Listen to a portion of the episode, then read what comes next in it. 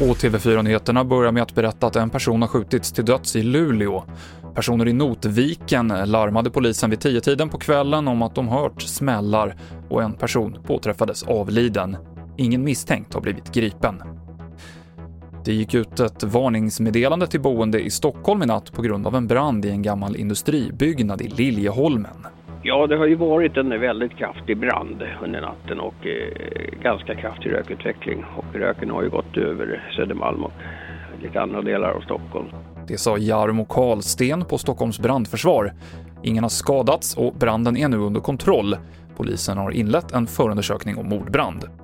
Och vi avslutar med nattens OS. Ett av Sveriges största guldhopp, stavhopparen Armand Duplantis, är klar för final efter att ha hoppat över 5,75 i kvalet. Och Sara Sjöström är klar för final på 50 meter frisim. Hon blev tvåa i sin semifinal. Och det avslutar TV4-nyheterna med Mikael Klintevall i studion.